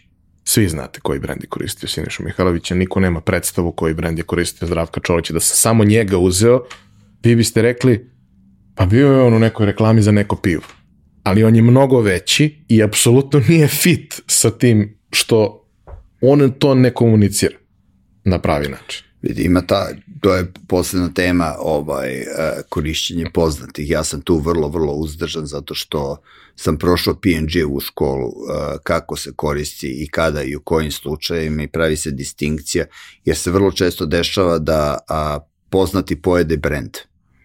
I ti znaš ono, e, to je ono pivo ili to je ona kafa koja je, to je 90. bila ona čuvena priča sa onom, sa Sekom Sabljić za, za kafu, gde ona e, gleda kao drugarici kafu, onaj soc, kako se to kaže, mm. tako, ostatak kafe, i kaže, evo ti imaš slovo T, nešto si tela. I svi znaju taj fazu nešto si tela, a niko ne zna koja je ta kafa. Ja ni dan danas ne mogu da se setim koja je ta kafa. Ali se svi svećaju Dragana i Milana. Da, zato što su oni, to, to, pazi, kao prvo, to je kultna priča što je urađeno i to je trajalo godinama, imalo je što je najbitnija stvar, a, a, bila je strahovito emotivna. Oni su imali relevantnu situacije za, za kreiranje dobre reklame, ti možeš da imaš relevantnu situaciju. Oni su tu bili bračni par koji su sebe glumili kao bračni par. Šta ćeš više? Sastavni deo bračnog uh, odnosa je i pijenje kafe. Tako da mislim da je to stvarno jedna od kampanja koja je godinama bila ona da čekaš Deda Mrazove i tako Mhm. dalje. Znači, ja sam radio za Grand Kafu pre nego što se prodala, Uh, imao sam čast da upoznam, budem prijatelj sa ovim Slobom Vučićevićem i njegovim pokojnim bratom, ocom, koji su to radili i, i Sloba je izuzetan, izuzetan, ovaj, uh, on je više uh, umetnik, kreativac nego biznismen. I ja stvarno ovaj, e, ne pamtim da sam sarađivao sa nekim klijentom sa kojim, znaš, u dva noću se čujemo, vidi šta si mislio oko toga. Ja sam kasnije ušao i bilo mi je teško da uđem. Želimo da se čujemo. Što ima i ovih što zovu u dva noću, ali ne želiš. Ne, da ne, ali, ali mi smo imali, ra- izgradili smo dobar odnos, e, baš onako ovaj, e, i poverenja i uvažavanja i stvarno, ja sam pokušavao sa njim, e, jer ja sam ušao tu kao neko neželjeno dete, ne znam kako sam uspeo da dobijem, ali sam bio neželjeno dete jer sam e, bio intruder, ušao sam u jedan divan zabran, pa smo mi onda počeli da radimo aroma kafu i tu smo onda koristili ovaj, e, ja se sećam tih nekih uh, emo, sta, pa, pesme koje smo kupo, kupovali strane, to je bila ona, to starija ona uh, koja je ovaj pevo Charles Davour She maybe the one I can forget i tako dalje. Tako da smo tu, tu smo pomerili neke stvari u pozicioniranju ka ženama, toga se sećam i bilo je baš veliko zadovoljstvo raditi sa njim. A Kaži mi, u, u celom tom procesu, dok je komunist bio samo komunist, a, kako su stvari evoluirale kroz vreme? Kako su se otvarali novi departmenti? Kako su ljudi novi bili uključeni u ceo proces, oni koji su bili tu veoma važni i ključni? Kako ste ih nalazili, kako ste ih privlačili, kako ste im nalazili ulogu, zašto dobar deo njih je dugo tu ostao. Pa vidi, ja imam, e, za, do skoro sam to sad stvarno, sad se počela neka, neka dosta, dosta nekih novih klinaca, nismo to odradili, sad bi to trebao da odradim. Ovaj, e, imam to neko uvodno predavanje za sve ljude koji dođu komunist kad se skupe, pa im onda to održim, gde govorim, uh, jer je strašno bitno uh, gde radiš. I to je neke teze koliko mogu sad da se setim jeste da je bitno ovaj kako se zove da je bitno kakav ti je posao ključno pitanje, da li te posao, bite materijalni deo, bitni su ti neki uslovi gde radiš, a, bitni su ljudi sa kojima radiš i vrlo je bitno isto tako za koga radiš, za kakvu firmu ti radiš. Uh, ja strašno verujem u tu neku etičnost. Ja se trudim da mi imamo moral, da smo moralna firma koja postoji neke postoji, koja poštuje neke moralne principe. A, to je firma koja traje od 90. godine i ljudi ne znaju nasledđe firme, jer nasledđe firme je strahovito bitno isto tako da ti osjećaš pripadnost tome. Uh, Steve Jobs kad je pravio Apple, on je imao te preachers, on je imao te propovednike koji su išli u različite punktove i govorili propove, veru. U, I to je ideologija koja je strašno bitna na tome.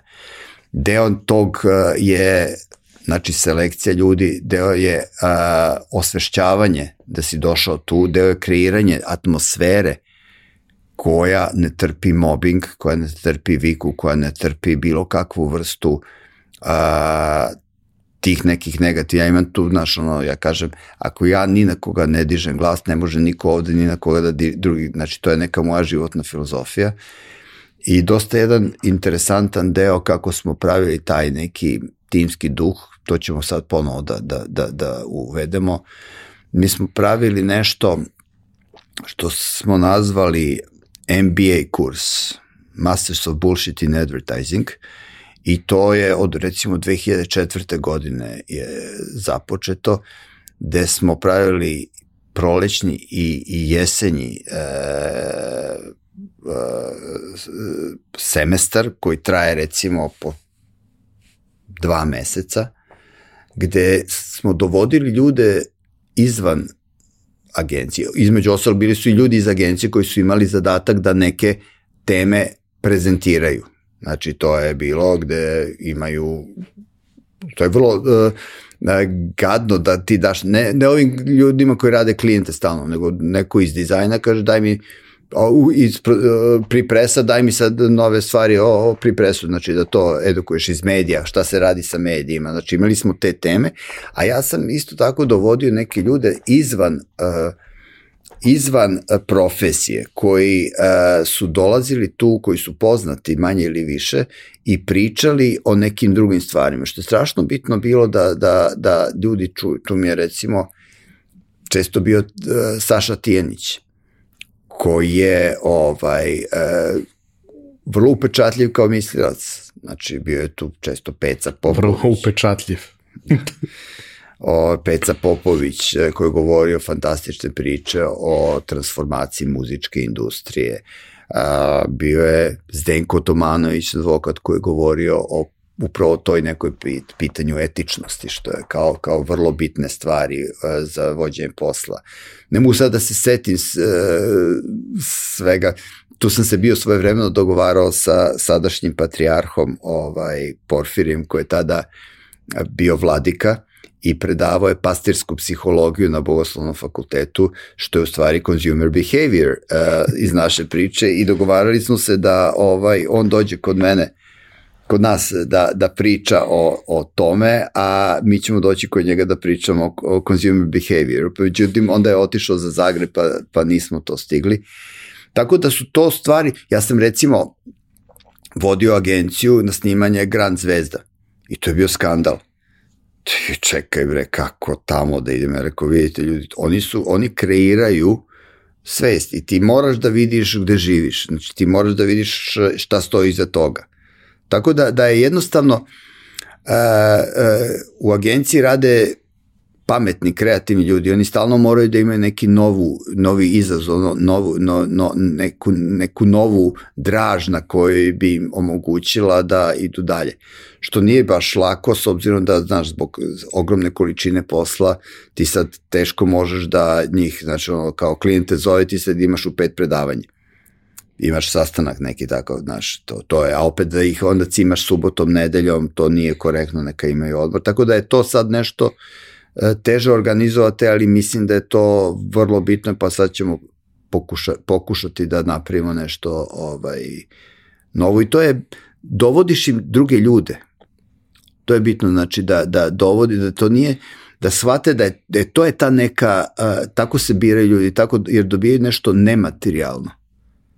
Jer materijalno svaka IT kompanija će te bolje, ali opet raditi za neke klijente koji su ovaj, džubreta, raditi u nekim drugim uslovima, znači i to je sada borba za uh, ljude, svaki menadžer to radi prema sebi.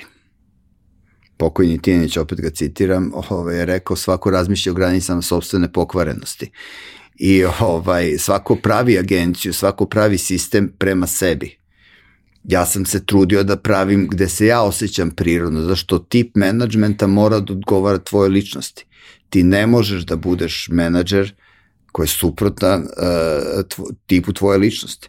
Dugoročno. Dugoročno ne možeš, znači, jer, jer imaš taj neki lažnjak, ja, ta, ja to često citiram tog mog jednog prijatelja koji je došao u Beograd iz Kruševca i kaže, ja kad sam došao u Beograd, sve govorim, govorim pa se zebem. Tako da taj zebeš faktor uh, kad tad ispliva i onda imaš uh, lažnost, imaš taj neki e, oseti se prazni, oseti se ne, neki smrad, nešto, nije, nije autentičnost i to je onda e, deo gde ti gubiš poštovanje, gde ti gubiš bolje da te prihvate takvo kakvo je, da te ne vole zbog toga što je takav kakav jesi, nego da te vole zbog onog kakav nisi. Kaži mi, u trenutku kada je e, cela priča komunisa porasla e, i kada je došao taj e, drugi brak, odnosno ulazak u partnerstvo sa DDB-em, tome ima nekih deseta godina. Više. Ovaj, uh, kako je došlo do toga? Šta su bili? Šta je bila tvoja motivacija, šta je bila njihova motivacija i potrebe, mislim da ljude koji ne znaju, DDB jeste od, pred, od ono 70 godina unazad jedna od naj neverovatnih priča advertising industrije. Od samog početka i Bila Berbaha i svih onih kampanja koje su po adage-u u, u, u top 5 najboljih svih vremena. E, pa prvih nekoliko su napravili nekoliko čudnih ljudi. U suštini cela priča o ono, Mad Men je manje više bazirana na toj ekipi od koje su ta tri slova koja, koja su napravila to sve. E sad, uh, fast forward 60 godina kasnije. A, totalno različita priča od Sačije, koliko je Sači bio a, topla, edukativna priča partnerstva, toliko je ovo sve suprotno od toga. Zato što su se i situacije se promenila, jer ranije si e, ti imao ovaj, sasvim drugčije bio svet. E, evo, krenemo od uh, agencijskih nadoknadi, znači koliko agencija i kako je agencija zarađivala. Agencija je legitimno zarađivala, znači kad smo mi počeli sa Sačijem, uh, dobijala je 17,65% na medijski budžet to bi zadržavala, imala je pravo da zadrži uh, rabat koji su davali mediji, koji je bio otprilike 15%, i plus je naplaćivala po projektima. Idejni projekat neki. košta ovo i tako dalje i tako dalje. Znači, nemoguće je porediti sada i nekada. I radili se manje broje. Prema tome, uh, jednostavno ne vredi što kažu, ne, ne vredi plakati, kaže pesma stara. Znači, ne vredi lamenti, lamentirati na tim starima kako je nekad bilo. Novo vreme traži nove ljude, novi brakovi, novi interesi, sve interesi i tako dalje. Tako da su to dve totalno različite stvari, ali ono što sam ja iz priče sa Sačijem uh, iz priče sa Sačijem naučio, to je značaj sobstvenog brenda. Tako da je komunis uvek tu daleko, daleko jači od DDB-a ili bilo kog nekog drugog koji će doći ili nije došao. Tako da definitivno jeste stvar, dolazi do globalizacije tržišta, znači ti, uh, zašto smo mi prihvatili uh, uh, dogovor taj neki sa DDB-em? Zato što uh, bio je pitch za jednog uh, velikog uh, klijenta gde smo mi bili apsolutno najbolji. Kasnije sam dobio te sve neke informacije šta se dešavalo, imali smo najbolju kreativu, odličan tim, strateško mišljenje, sve i cena je bila vrlo korektna. I nismo dobili to. Normalno. I ja sam onda uspeo da dođem do tih nekih informacija, razgovarao sa tim glavnim čovekom tamo koji mi je rekao, vidi, e, ja sam čovek korporacije i ja moram osnovno stvar da poslujem savesno, da donosim odluke koje su savesne. Šta to znači? To znači ne preduzetničke odluke, nego savesne odluke. Nešto je najbolje nego što je sigurno. Korporativne sigurno. To znači da ja moram da kupujem branded računare, a ne unbranding bundles. Ja moram da kupujem branded suppliere, a ne najbolje lokalne. I ti si mi problem. Jer ako ja sklopim ugovor sa tobom koji si lokalni, koji si najbolji, koji si kao čovek super, ja moram da objašnjavam prvo mojem compliance-u uh, zašto sam ja sa lokalnim. Ja kažem, ok, to ima tako dalje. Uvek je sumnja. Da li sam ja maznuo neku lovu od lokalca, pa sam mu dao. A ne daj Bože da se da e, kampanja nema rezultate, ja imam ozbiljan problem, jer ako sam sa brendiranim nekom globalnom tom agencijom, moj će šef zvati njegovog šefa u Njujorku i kažu fix it, fix it, završena priča. Ja u, da se napravi neka šteta, dođem na sud, procenit će da sam savesno poslovo jer sam uzeo brendirani računar, brendiranu agenciju. Za sve ovo je preduzetnička priča. Sorry, but no thank you. Tako da to, su, to je ta jednostavno ta nepravda genocida koja nas prati da smo mali, nebitni i što bi neki rekli, malo nas, jel smo govna. Kaži mi, ovaj, je li bilo nešto posebno interesantno u tom celom procesu ulaska u partnerstvo sa, sa DDB-em? Jeste dobili neke Ništa. zanimljive stvari? Ništa. Dobro. Dalje. A, poslednjih deseta godina nastupate pod tim zajedničkim imenom. Uh, u tih deseta godina se svašta dešavalo na tržištu. Jedna od stvari je da digital je manje više jedini segment tržišta koji ozbiljno raste iz godine u godinu. Vi ste tu lepo pozicionirani. A, dolazi korona, koja je svima zakomplikovala život beskonačno, naročito onima koji su imali lepe uredne kancelarije u kojima je toplo, ljudi se osjećaju prijatno i žele tu da dođu i to doživljavaju kao jedan važan deo svog dnevnog rituala. Navikli su da piju kafu sa kolegama, da pričaju o stvarima kompleksnim koje će da se dešavaju uz ručak, kafu, čaj ili pauzu za cigaru i toga više ničega nema. Kako to izgleda iz ugla komunisa? Mm, u komunis već, e, koliko ja mislim, četiri godine a, a, e, ima direktor Bojan Stankov koji vodi agenciju. Ja sam tu u funkciji predsednika agencije, odnosno osobe koja se ne bavi operativnim stvarima ja sam Bojanu izuzetno, izuzetno zahvalan uh, jer me rešava gomile tih nekih neprijatnih situacija, on ima tim, tu je Lea Stanković, tu je Tanja Grabež kao finansijski direktor, tako da, da imamo tu uh, taj jedan tim koji uh, rešava mene tih uh, svih silnih problema, zakači me taj neki problem, ali uh, definitivno oni to rade. E, mi smo jedva čekali svi da se ponovo vratimo. Znači, ljudima je ostavljena bila mogućnost da li će da rade od kuće i tako dalje.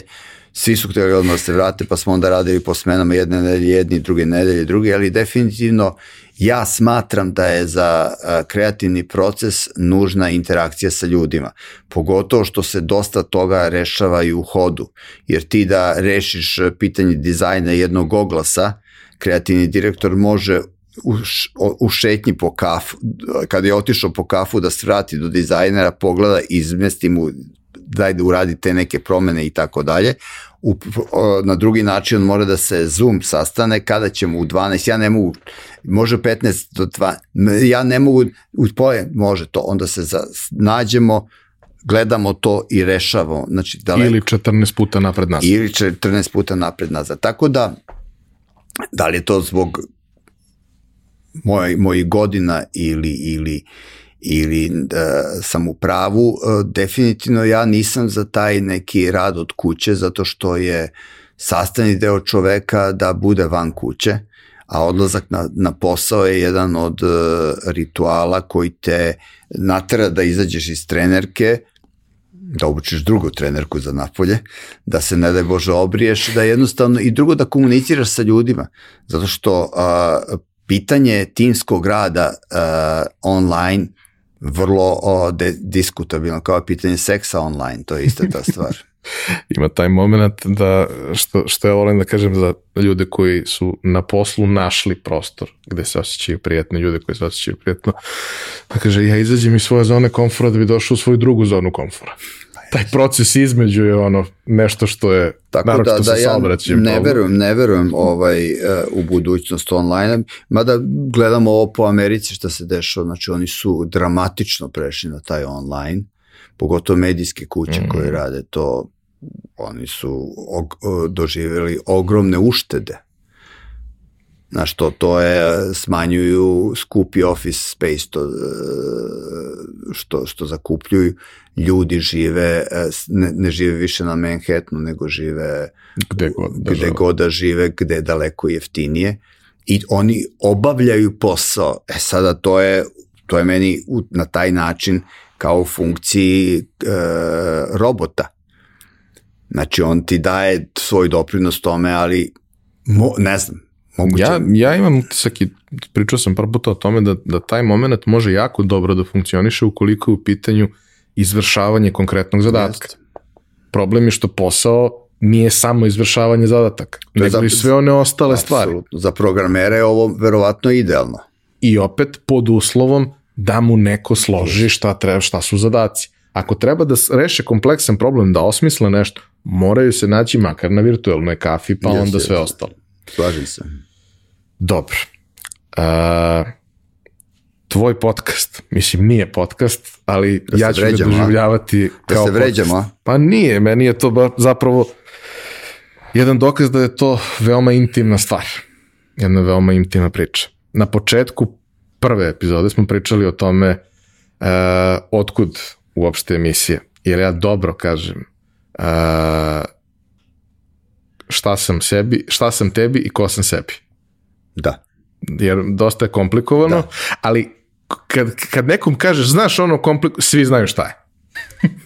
ovaj, uh, rekao si kako je do toga došlo, kako ste se dogovorili i sve to. Uh, ako se ne varam, četvrta sezona je u toku. Šesta. Šesta onda ja to ne umem da pratim to kako treba. Mislim, ja to i ne doživljam po sezonom, ja to gledam po epizodama. Se, sezone su po pola godine, tako da, da je treća godina treća Godina. Da. A, kroz taj proces naravno krenuo si sa bliskim ljudima. Svi koji kreću u ovako nešto kojima to nije struka, pa možeš da mi staviš bilo koga, nije važno. Uvek je preporuka kreniti sa ljudima koji su bliski, koji vas razumeju, sa kojima ćete moći da ostvarite kontakt koji će vas podržati kroz ceo proces i tako dalje. Ovaj, naravno, posle određenog broja epizoda, koliko god da imaš prijatelja, malo se iscrpi to sve, a i vremenom imaš neku ideju kako urednički to da vodiš, odnosno šta je nešto što želiš da u narednom periodu imaš. Takođe, pošto snimate tako kako si rekao da snimate, u, u blokovima od po 10 dana, Ne, to je ranije bilo, sada imam kontinuirane. Sad imam Aha. dva termina nedeljno, pa kad nađem nekoga. Ok, ok. Uh, kada je to bilo tako, tu je bio ogroman problem što moraš da uklapaš one koji mogu da se uklope, a pritom dobar deo vremena imaš koronu, pa u svakom trenutku neko može da otkaže, što, mislim, ne možeš da se ljutiš, medicinska je stvar. Uh, tvoj, tebi potpuno nova uloga, sa jedne strane da kažemo, voditeljska i neko ko održava koncept kako treba, sa druge strane i organizacijono dosta drugačije to sve. a sa treće strane radiš nešto što ostaje kao svedočanstvo tim ljudima. Meni se par puta u životu desilo, da ne baš previše, ne mogu da kažem da je to redovna stvar, ali par puta mi se u životu desilo da su mi ljudi rekli ovo je nešto što sam želeo da me neko pita ceo život, ali me niko nije pitao. Ako jednog dana neko bude e, pravio nešto o meni ili želeo da sazna nešto o meni, volao bi da to bude odavde. Ne znam kakav je feedback koji si imao od gostiju, ali moj utisak kao neko ko to gleda je da je to to. Da ti ljudi to rade kao nešto zaista, zaista iskreno i kao mesto gde mogu da budu oni oni. Bez obzira na formu koja postoji, ali koja tu nije da smeta, nego je samo da ima nekakav raspored. Kako se to razvija? Ti ulaziš u to kao što kaže ekonomista, koji to treba da posloži, uradi kako treba. Ali vremenom ta emisija postaje mnogo više ti, a mnogo manje ta struktura koja je nametnuta. Ili ja grešim? Pa funkcija voditelja po meni jeste da je on u funkciji gosta. I meni ovaj, neki moji prijatelji zameraju što sam toliko povučen, što sam, e, ja obično znam da budem duhovit, znam da peckam, znam da se zezam, a ovde sam vrlo ozbiljan i, i, e, i po oblačenju i po svemu sam e, kao i ovde, znači da je crnilo, da je faca dolazi na prvo mesto. E, ja to tako verujem da treba raditi ako uh, si voditelj svoju sujetu, da pokažeš koliko si pametan, prikri, odnosno sakri, ne, ne, ne sme da bude tu, zato što nisi ti bitan, bitan je gost. Ima, d, ovaj, ne znam da li si video neku od emisija što radi Basara, uh -huh. uh, crveni karton. Crveni, crveni karton, ja njega izuzetno cenim, mislim da je sjajan lik ali i gledao sam neke njegove emisije. Međutim, e, on je ravnopravan u diskusiji sa gostom i to je kafanska priča. Ode digresije u digresiju. Ode digresije u digresiju i tako dalje i to je ok, ali to nije ono što ja hoću da radim, zato što ja smatram da ovaj, e, ja treba da, da, da omogućim gostu da bude takav kakav jeste. A ja sam dobro namaran, znači ja hoću da njega učinim herojem, ne da otkrijem njegove e, minuse, njegove strahove i tako dalje, nego hoću da, da, da mu dam drugčija pitanja, nešto drugačije, da on može da tu i pametuje i pokaže sebe kakav je. Zato je ta i sam naziv emisije dosta komplikovan, ja imam čak nekada probleme, ali nisam znao kako da dam ime emisiji i onda smo ovaj Dušan Bulić ja to čačkali kako i ajde ovo komplikovano šta sam tebi ko sam sebi ali to je opet sada... I taj logo iz to nekih pravaca jeste. idu te reči i to sve. Da, tako da to je e, opet ta neka provokacija. Znaš, tako da vidjet ćemo ovaj... Uh, za ovo vreme koliko si snimao, koje tebi epizode su najvažnije? Ne mogu to da kažem. To je ono, pitaš e, majku koje dete svoje najviše. Znači, ne možeš to da kažeš zato što su, imam neke emisije s, koje, s kojima sam vrlo ja nezadovoljan kako je bila ta priča. Imam neke emisije koje sam baš onako smatram da je fantastično čovjek pričao i žena. Imam emisije gde smo se lepo proveli, zezali. Različite su te stvari. Svaka neka nova emisija mi je ovaj recimo najkompli, najteža mi je bila emisija kad mi je bila sobstvena žena gost. Maja Žeželj. I to je bilo ovaj, vrlo teško da vidim kako da ne pređem granicu, jer te, i to je bilo vrlo upitno da li je to nepotizam zvati sobstvenu ženu da ti bude gost u emisiji, ovaj, kakav ugao tog, tom razgovoru da, da napraviš i mislim da smo napravili da, da nismo prešli granicu privatnosti, nego da je to bio interesantan razgovor sa njom, gde je ona tu glavna. S druge strane, sad mi je bio ovaj nedavno gost, ovaj Slobodan Šarenac, kao pohvalio me, kaže e, da je dobra stvar što ja neki svoj lični primer unesem u pitanje, u razgovor i onda kaže to daje e, e, osnov za gosta da se otvori. To nisam znao, nisam o tome razmišljao, čak sam strašno vodio računa da to ne upotrebljavam za sebe.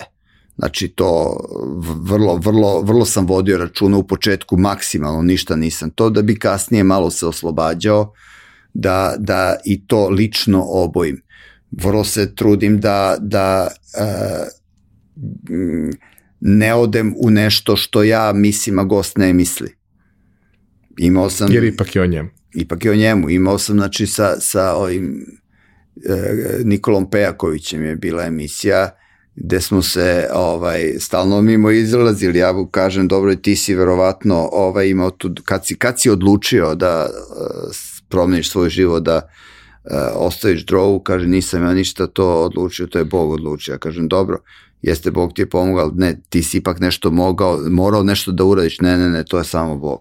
Znači, i sad u toj situaciji e, ne možemo, ja pokušavam da kažem, dobro, znači zajednički e, je e, da se nešto moralo uraditi. Kako to drugi da to vide?